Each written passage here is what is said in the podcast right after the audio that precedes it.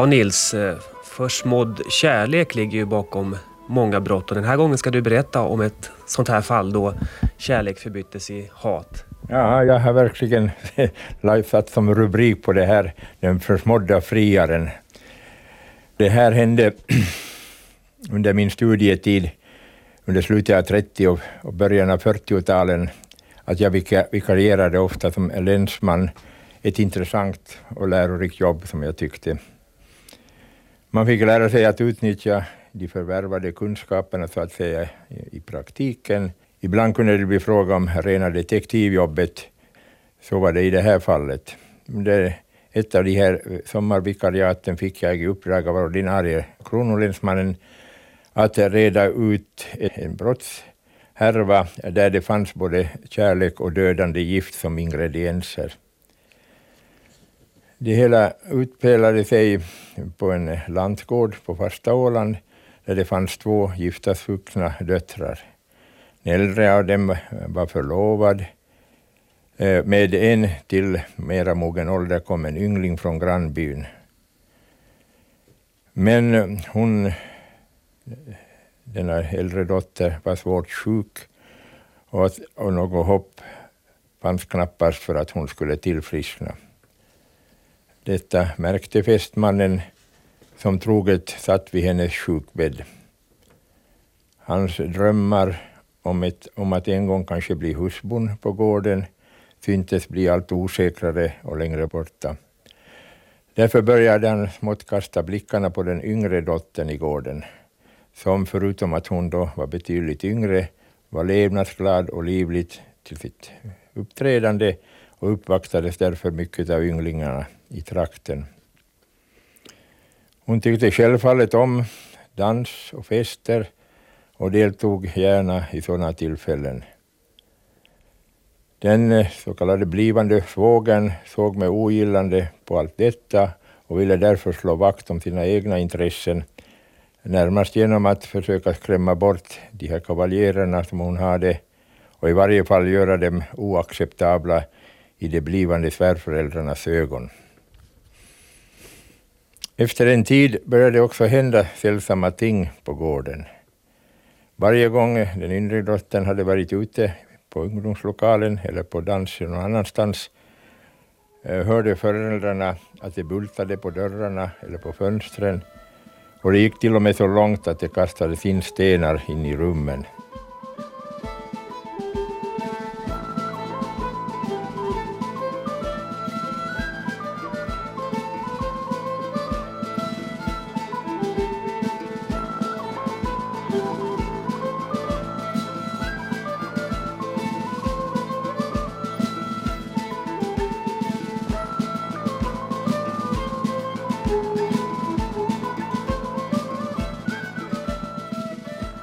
Sen hände det att ett hotelsebrev, eller kanske flera, hängdes upp på ytterdörren och i breven kunde man läsa att om dottern fortsatte med sitt levande skulle all världens ondska och elände drabba gården och de som bodde där.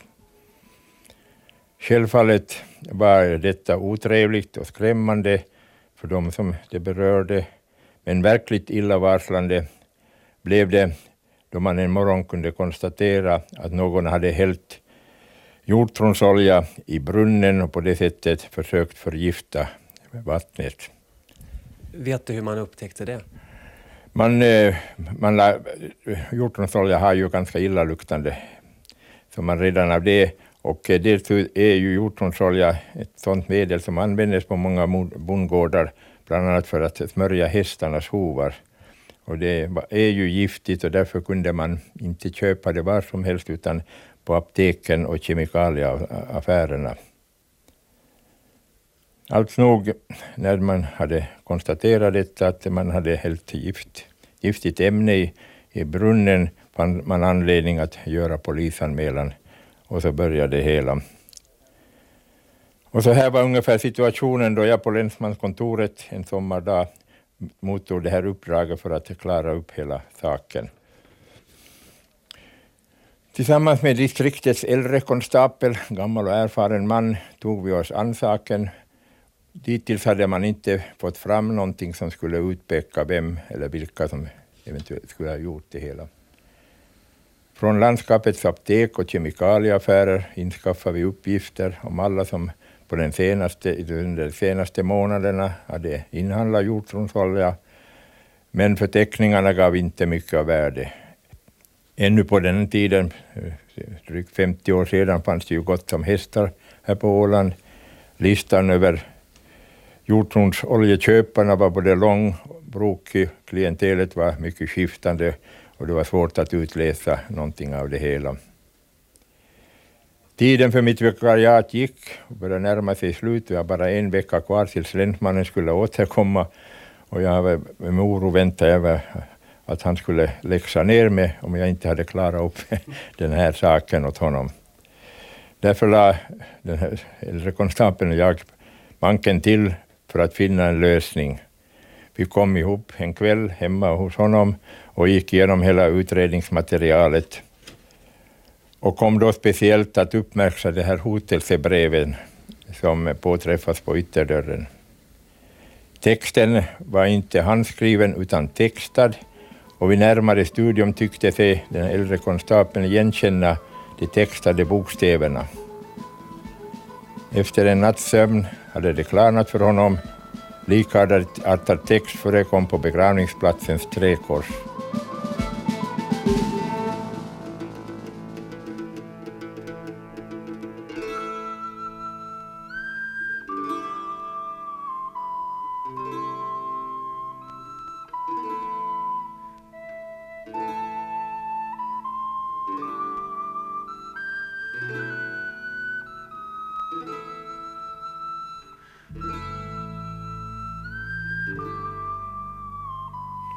Synnerhet bokstaven R hade en speciell utformning som eh, föreföll tydlig och klar. Saken granskades ännu genom att vi båda besökte begravningsplatsen och kom till samma resultat att, att det måste ha varit samma hand som har textat korsen och som har skrivit hotelsebreven. Därför beslöt vi att kalla text, textaren som var känd för, för den här konstapeln. Och han hämtades för förhör. Det visade sig vara den förmenta fästmannen. Han förnekade förstås bestämt att han skulle ha textat hotelsebrevet och hänvisade med skärpa på att en sån här textning kunde vem som helst egentligen utföra. Däremot medgav han att han brukade utföra de här textningarna på gravkorsen. Vi tyckte i alla fall att misstankarna mot honom var så starka, men inte tillräckliga för att man skulle kunna anhålla eller häkta honom. Och ehm, eh, var beredda redan att släppa honom hem då mina, mina ögon föll på, den här, på det här hotelsebegret och jag märkte att där fanns två ortografiska fel. Bland annat hade ordet världen, alltså världens fasa och elände, hade, där hade bokstäverna R och L blivit omkastade.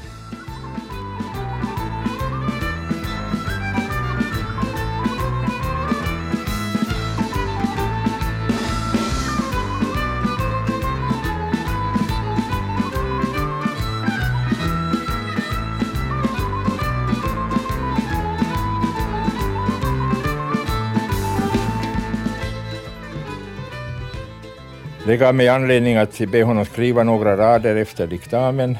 Han gjorde det, men förstås med vanlig handstil. Texta fick jag inte honom att göra.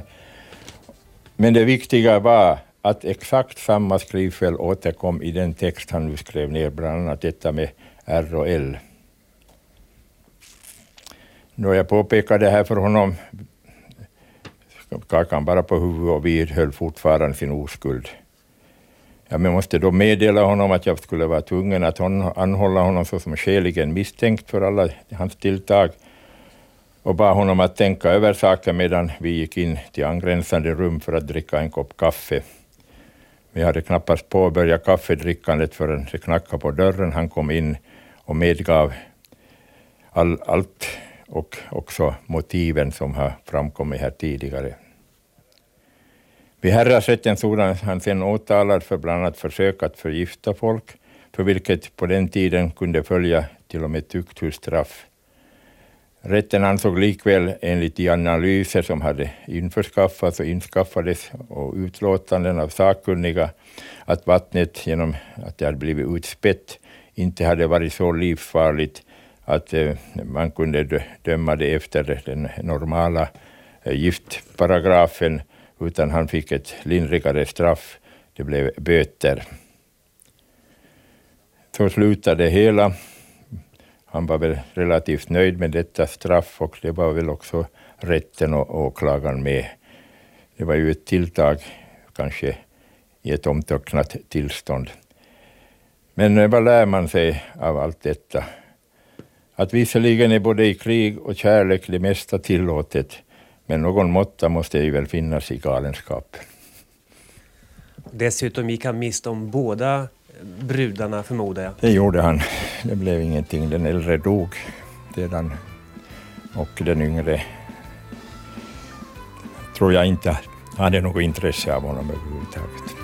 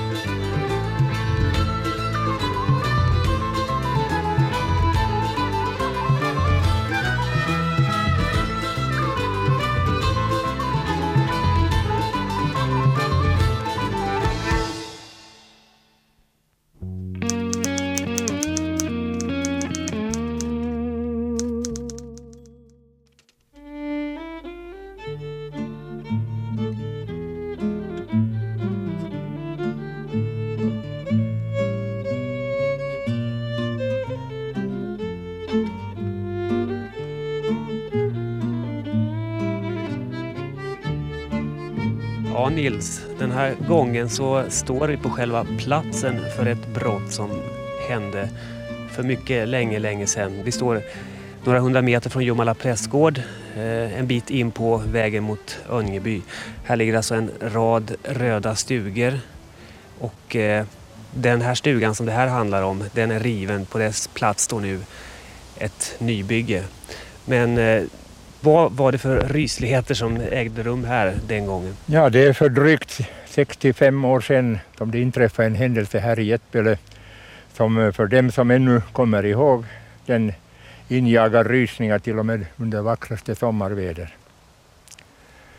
Den dåvarande länsmannen, han är legendarisk för ålänningarna, i Jomala distrikt, Erik Fridolf Helin, uttryckte den här händelsen som jag nu ska tala om i sitt åtalsskrift på det här sättet.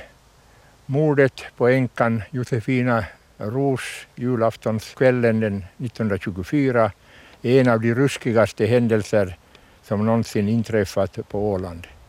Mordet har överallt framkallat den största förbittring och ingen önskar väl, väl högre än att de skyldiga skulle få sitt välförtjänta straff. Detta enligt Helin. Själv var jag väl då en tioårig skolgosse, men ofta under mitt långa liv som jurist har jag dragit fram händelsen i minnet och undrat om full rättvisa då skapades. Händelseförloppet var väl ungefär följande. Den mördade var en 73-årig änka. 73 år på den tiden var ju en mycket hög ålder. Hon bodde ensam här i stugan i Ettböle inte långt från Jomala prästgård. En nioårig grannflicka hade hon till julen som sällskap och hon hade beslutat stanna då på juldagen över natten som sällskap åt den gamla. Juldagen den 25 december 1924 randade sitt slut och de två i stugan beredde sig för att vid halv tio tiden på kvällen gå till nattvila. Då bultade på stugdörren och en skrovlig mansröst krävde att bli insläppt, vilket eh, kvinnan förvägrade honom.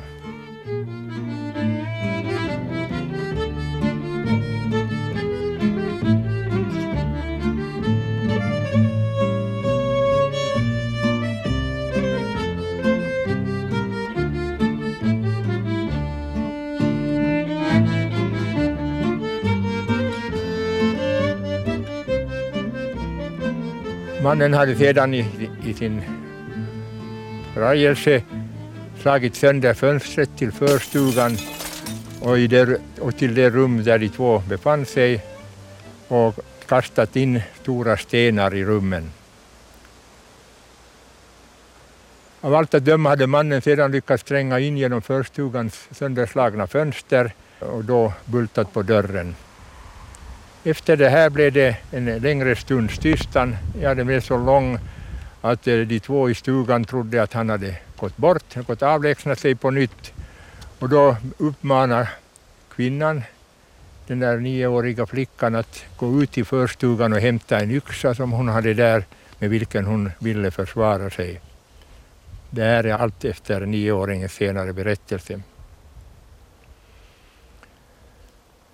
Då flickan öppnade dörren rusade mannen genom den öppnade dörren och rusade rakt på kvinnan som han slog omkull på golvet och misshandlade med stenarna. I den vevan försvann flickan ut för att söka hjälp. Hon var hemma från granngården här och hon sprang raka vägen hem för att få hjälp.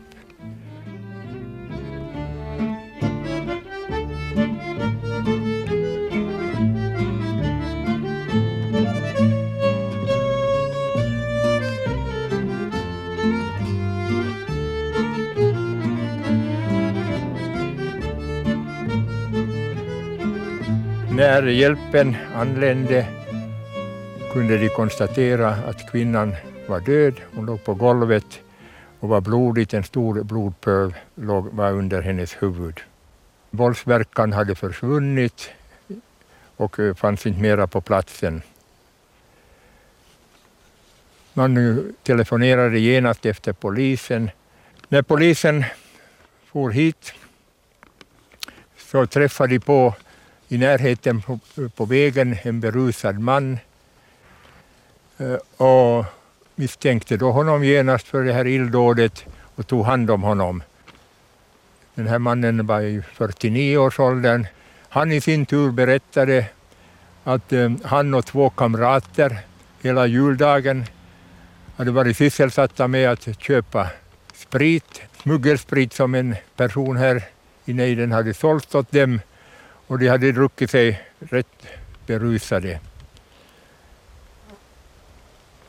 Han namngav de här två andra personerna.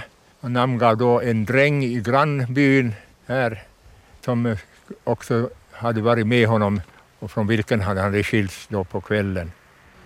När polisen kom till drängens bostad så fann de honom sovande i sängen men på upptäckte blodfläckar, blodiga kläder och blodigt vatten i ett handfat och eh, då antog de att de hade träffat på den rätta personen.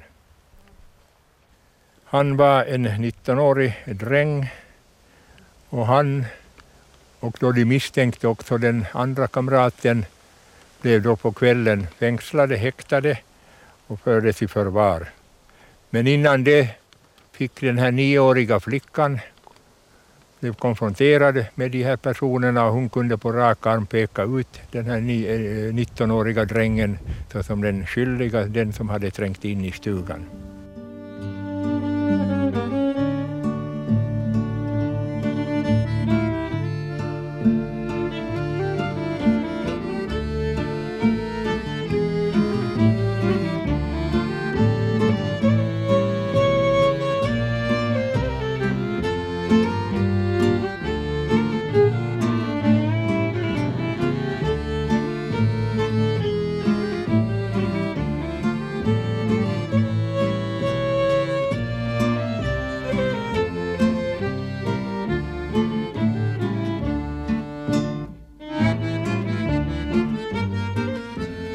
Men eh, vid förhöret som hölls en samma natt ville drängen inte medgiva någonting men sa att om någonting tokigt hade hänt så måste det ha skett på kamraternas tillrådan. Vad var motivet till det här dådet?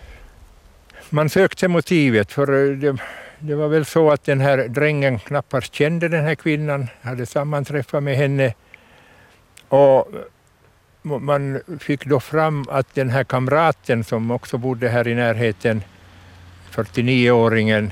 Han kände mycket väl kvinnan, hade haft gräl med henne också och borde av allt att döma ha känt till att hon då strax före jul hade fått pengar från sin son i Amerika.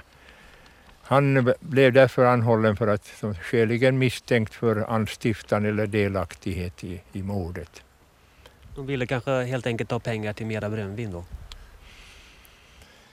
Det ville de ha, tydligen. Var det väl pengarna som tröt så många annan gång och de ville då ha, få tag i mera pengar och köpa som sagt mera alkohol.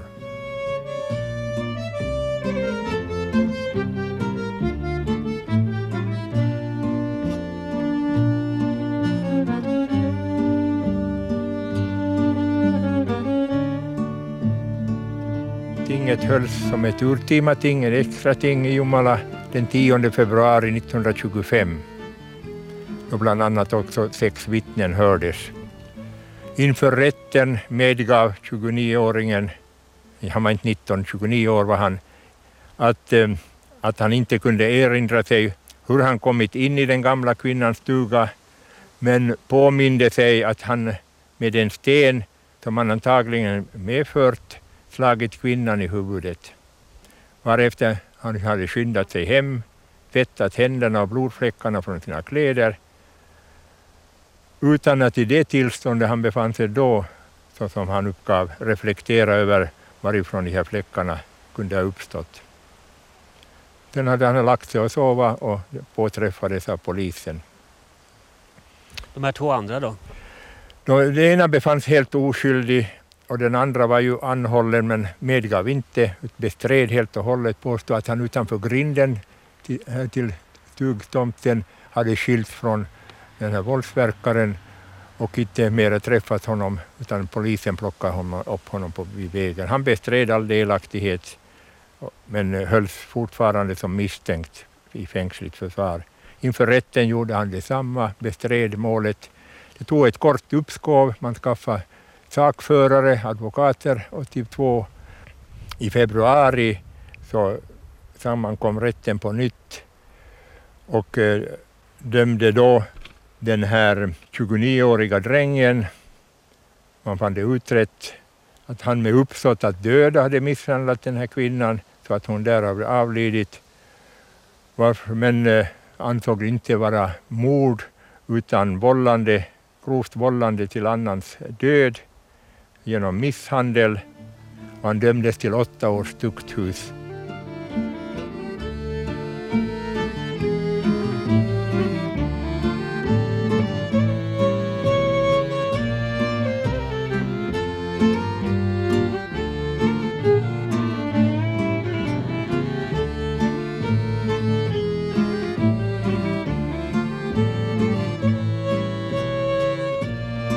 Den andra mannen blev frikänd också av, av häradsrätten men den allmänna opinionen här på orten och kanske på hela Åland var den att han måste ha haft ett finger med i spelet. Men rätten fann inte det styrkt mot den här 49-åringen att han hade någon delaktighet i hela mordet så han, han gick fri. men frågan är fortfarande här var det inte så att han ändå sista slutningen hade ett finger med i spelet och borde ha som anstiftare också ha blivit dömd till straff. Men så är det med rättvisan. Den kräver, det vet vi nu från Palmemordet, den kräver rätt stark bevisning för att man vågar döma till ett så här svårt brott. Så hela sanningen får vi aldrig veta? Tydligen får vi inte. Nu har 65 år förflutit. Det är bara de äldre på orten och kanske några som har hört historien som vi känner till den mera. Men ju längre tiden lider desto mer försvinner också det här brottet.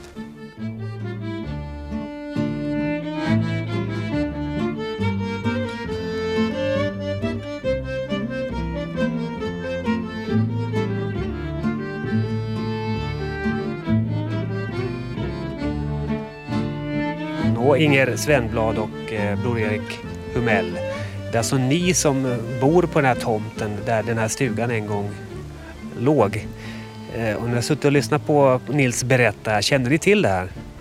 Lite har man ju hört utav folk här i byn och sådär men inte något liksom, speciellt sådär. Vad hade ni hört? Ja, man hade ju hört att det var en gammal tant som har blivit ihjälslagen där och sen hade jag just hört det där då att det var Gyllenberg och, och sen att, hon hade, att de trodde att hon hade pengar. Ni har alltså i själva verket bott i den här stugan. Nu är det ett eh, splitter nytt hus som står här som ni har byggt men eh, ni bodde i den här stugan där detta hände. Mm. Vi bodde nog där i, vänta, i åtta, nio år innan vi byggde det här. Tio med tror jag det var. Ja. Hur eh, känns det? Funderar ni någon gång på det? Ja, först med samma så tänkte man väl liksom att oh, det är lite kusligt och sådär men, men att inte hade varit någonting. Aldrig att man har liksom upplevt att man har varit någon rädd. Inga spöken? Nej, man tycker att det var så långt tillbaka att liksom, det är nog förbi.